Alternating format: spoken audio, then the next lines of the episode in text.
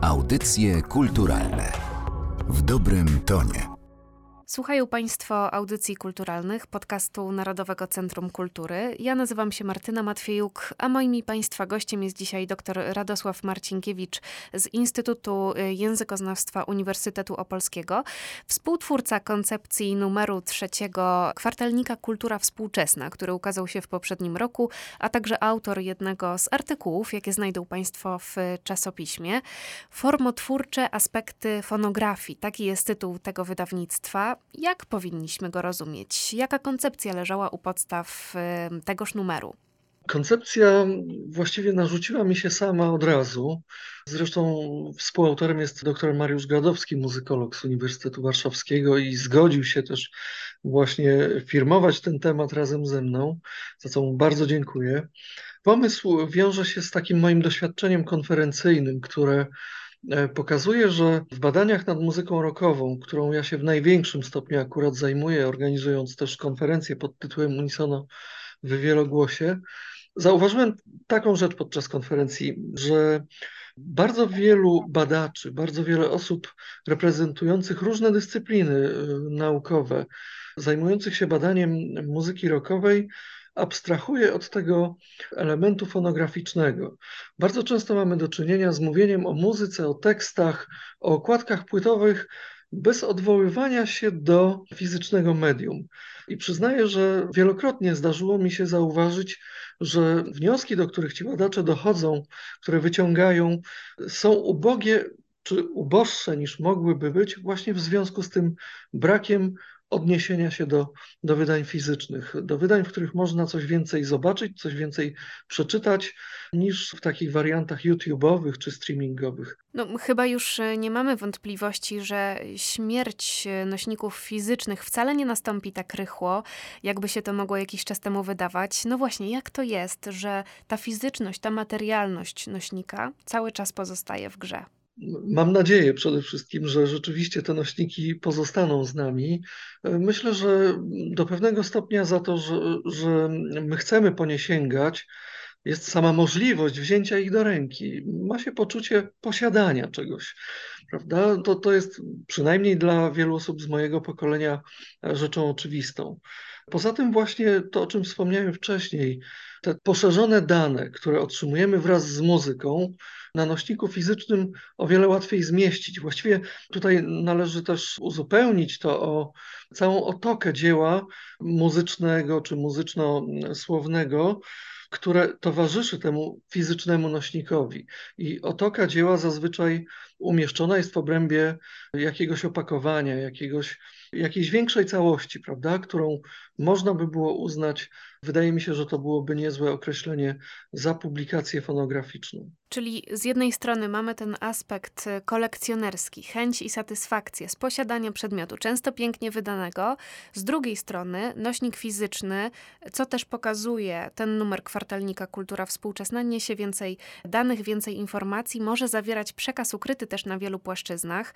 E, pisze pan we wstępie do swojego artykułu zatytułowanego Ostrożnie z tym Mozartem, Ryszardzie, o pewnej swoistości roka, o jego związku z fonografią jako relacją bardzo szczególną. Tak, to prawda.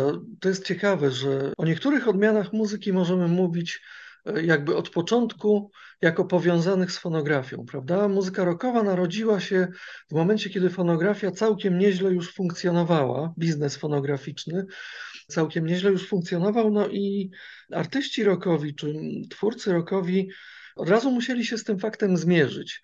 Musieli się dostosować do reguł gry dyktowanych przez wytwórnie płytowe. Oczywiście w pewnych momentach, kiedy e, niektórzy artyści zdobywali szczególną popularność, oni, czując się już e, silniejszymi, próbowali te reguły też naginać do własnych potrzeb. To im dawało pewną odwagę do przeciwstawiania się wytwórniom płytowym. Myślę, że Beatlesi są tutaj oczywiście takim najbardziej e, znamiennym przykładem, bo przecież zespół w pewnym momencie zdecydował się na to, żeby wydać Magical Mystery Tour, a więc utwory, które zostały wykorzystane w filmie noszącym ten sam tytuł, w formie bardzo dziwnej i trudnej do sklasyfikowania jako e, standard publikacji fonograficznej, bo rzecz ukazała się na dwóch małych płytkach, tych 45-obrotowych, siedmiocalowych. Mam tutaj na myśli oczywiście płyty gramofonowe. Każda z nich zawierała trzy utwory. No i trudno było to opisać zarówno jako album, jak i jako singiel. Jeżeli epka, to też e, szczególnego typu, no bo w gruncie rzeczy podwójna, chciałoby się powiedzieć, dwupłytowa. I zauważam w różnego rodzaju publikacjach problem ze sklasyfikowaniem tego dzieła.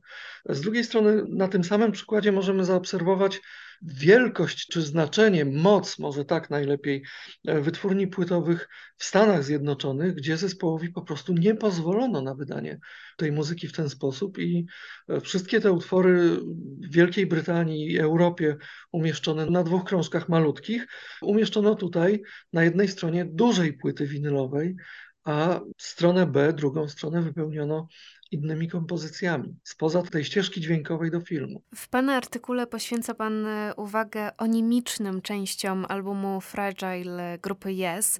E, dla badacza nas własnych, bo tym właśnie zajmuje się onomastyka, e, no myślę, że albumy rockowe są wspaniałą kopalnią możliwych odkryć i interpretacji.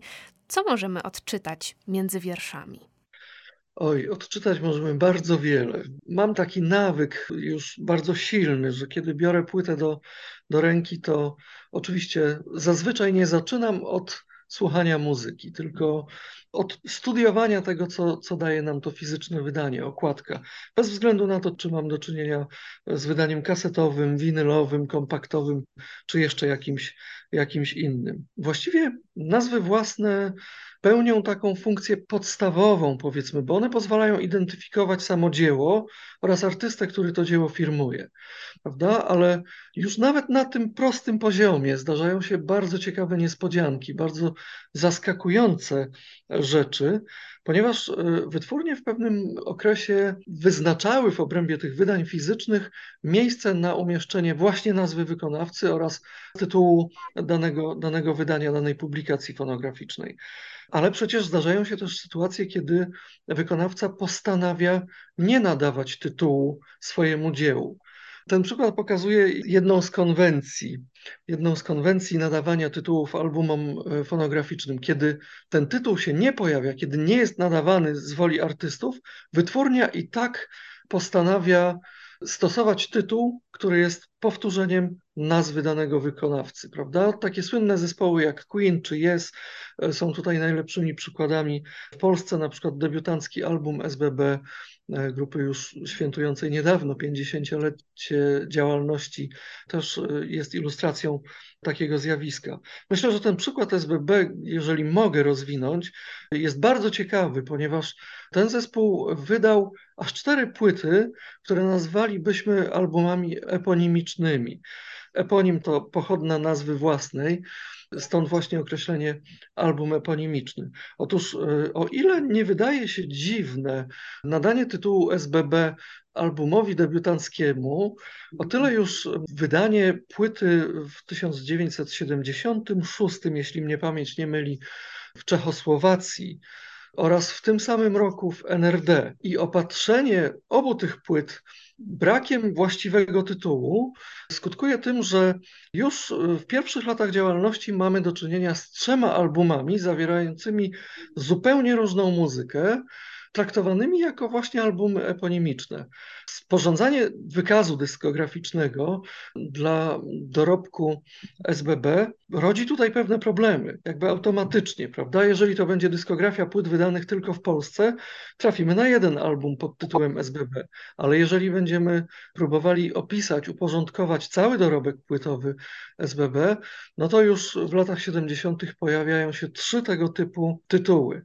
Oczywiście fani bardzo szybko znaleźli sposób na obejście tego problemu, no i o płycie wydanej w Czechosłowacji mówi się wołanie o brzęk szkła, więc mamy do czynienia z nieoficjalnym tytułem, natomiast o płycie wydanej w NRD mówi się Amiga Album. Przy czym zespół sprawia nam jeszcze jedną niespodziankę. W 2012 roku ukazuje się jeszcze jeden album pod tytułem SBB i właściwie w pierwszym odruchu większość fanów rocka e, ma takie poczucie tego, że no mamy do czynienia z kolejnym albumem eponimicznym. Tymczasem sięgnięcie do wnętrza, do, do wnętrza wydania e, fizycznego, otwarcie książeczki wyjaśnia nam od razu o co tutaj chodzi. Większość utworów na tym albumie jest instrumentalna, ale one mają swoje takie krótkie charakterystyki, mają swoje tytuły oczywiście również. Dwa pierwsze to Piwnica i Niemen, to akurat pamiętam. I właściwie oba te tytuły już fanom SBB mówią bardzo dużo. Wiemy, że zespół zaczynał w piwnicy swoją karierę, że dużo tam muzycy ćwiczyli w Siemianowicach, jeśli mnie pamięć nie myli. Natomiast e, swoją karierę taką e, estradową, już wielką, również fonograficzną, muzycy e, SBB zaczynali u boku Czesława Niemena. I wczytanie się w komentarze oraz w same tytuły pokazuje nam, że tak naprawdę nie mamy tu do czynienia z albumem eponimicznym, tylko z albumem, którego tytuł, faktyczny tytuł nadany przez grupę to SBB, bo odnosi się do kariery zespołu. No właśnie, pamiętajmy, że warstwa tekstowa publikacji fonograficznych to nie tylko teksty utworów, to wiele więcej innych informacji e, zawartych w słowach. Ja się zawsze uśmiecham, kiedy biorę w dłonie płyty gramofonowe wydane przez radziecką wytwórnię Małodia. I tam sposób opisania nawet samych nazw zespołów, no myślę, że też byłby ciekawym przypadkiem e, dla badacza. Wracając jeszcze do koncepcji numeru kwartalnika Kultura Współczesna. Jak określiłby Pan rolę tego wszystkiego, co dookoła samej muzyki w kontekście jej odbioru się znajduje? Myślę tutaj właśnie o publikacjach fonograficznych, czyli okładkach, y, sposobie wydania, zawartych treściach tekstowych, y, gadżetach również nieraz dołączonych do publikacji. Na ile istotne są te wrażenia pozamuzyczne? To pewnie jest kwestia indywidualnego podejścia, ale dla kogoś, kto wychowywał się na muzyce czy na słuchaniu muzyki właśnie z nośników fizycznych, to może być rzecz niesamowicie wzbogacająca. Podam taki praktyczny przykład zastosowania bezpośredniego jednego z wydań konkretnego albumu. Otóż my podczas konferencji Unisono w Wielogłosie mamy często problem z przedłużaniem się referatów. I pewnego dnia przyznaję, że wpadłem na pomysł przywiezienia ze sobą na jedną z konferencji e, takiego specjalnego, jubileuszowego wydania albumu grupy Soundgarden. Album ten nosi tytuł Bad Motor Finger. On ma formę boksu w tej edycji specjalnej, ale jego specyficznym elementem jest okładkowa piła tarczowa, która właśnie w tym konkretnym wydaniu może się obracać. W środku są baterie, jest specjalny włącznik i kiedy podczas konferencji osoba prowadząca obrady chciała zasygnalizować, że czas na referat dobiega końca, po prostu włączała tę piłę, ona się tam bardzo szybko obracała, no i, i delikwent musiał kończyć swój referat. Takich sytuacji jest oczywiście, jest oczywiście więcej. Ja wstając czasami w nocy, przechodząc przez swoje mieszkanie, widzę, w którym miejscu tego mieszkania znajduje się album Pulse y, grupy Pink Floyd, no bo tam jest przecież wmontowana specjalna dioda, która też sygnalizuje tę swoją obecność na półce. Wiemy, gdzie, y, gdzie płyta się znajduje. Jest tego naprawdę bardzo dużo a zatem przyjemne z pożytecznym. O degradacji i przeciwnie, wzroście znaczenia nośników fizycznych, o okładkach manifestach, o sposobach używania fonografii przeczytają Państwo w trzecim numerze kwartalnika Kultura Współczesna, wydanym w ubiegłym roku. Moim gościem był dziś dr Radosław Marcinkiewicz, jeden z autorów tego numeru. Bardzo Panu dziękuję. Ja również dziękuję. Do widzenia. Audycje kulturalne w dobrym tonie.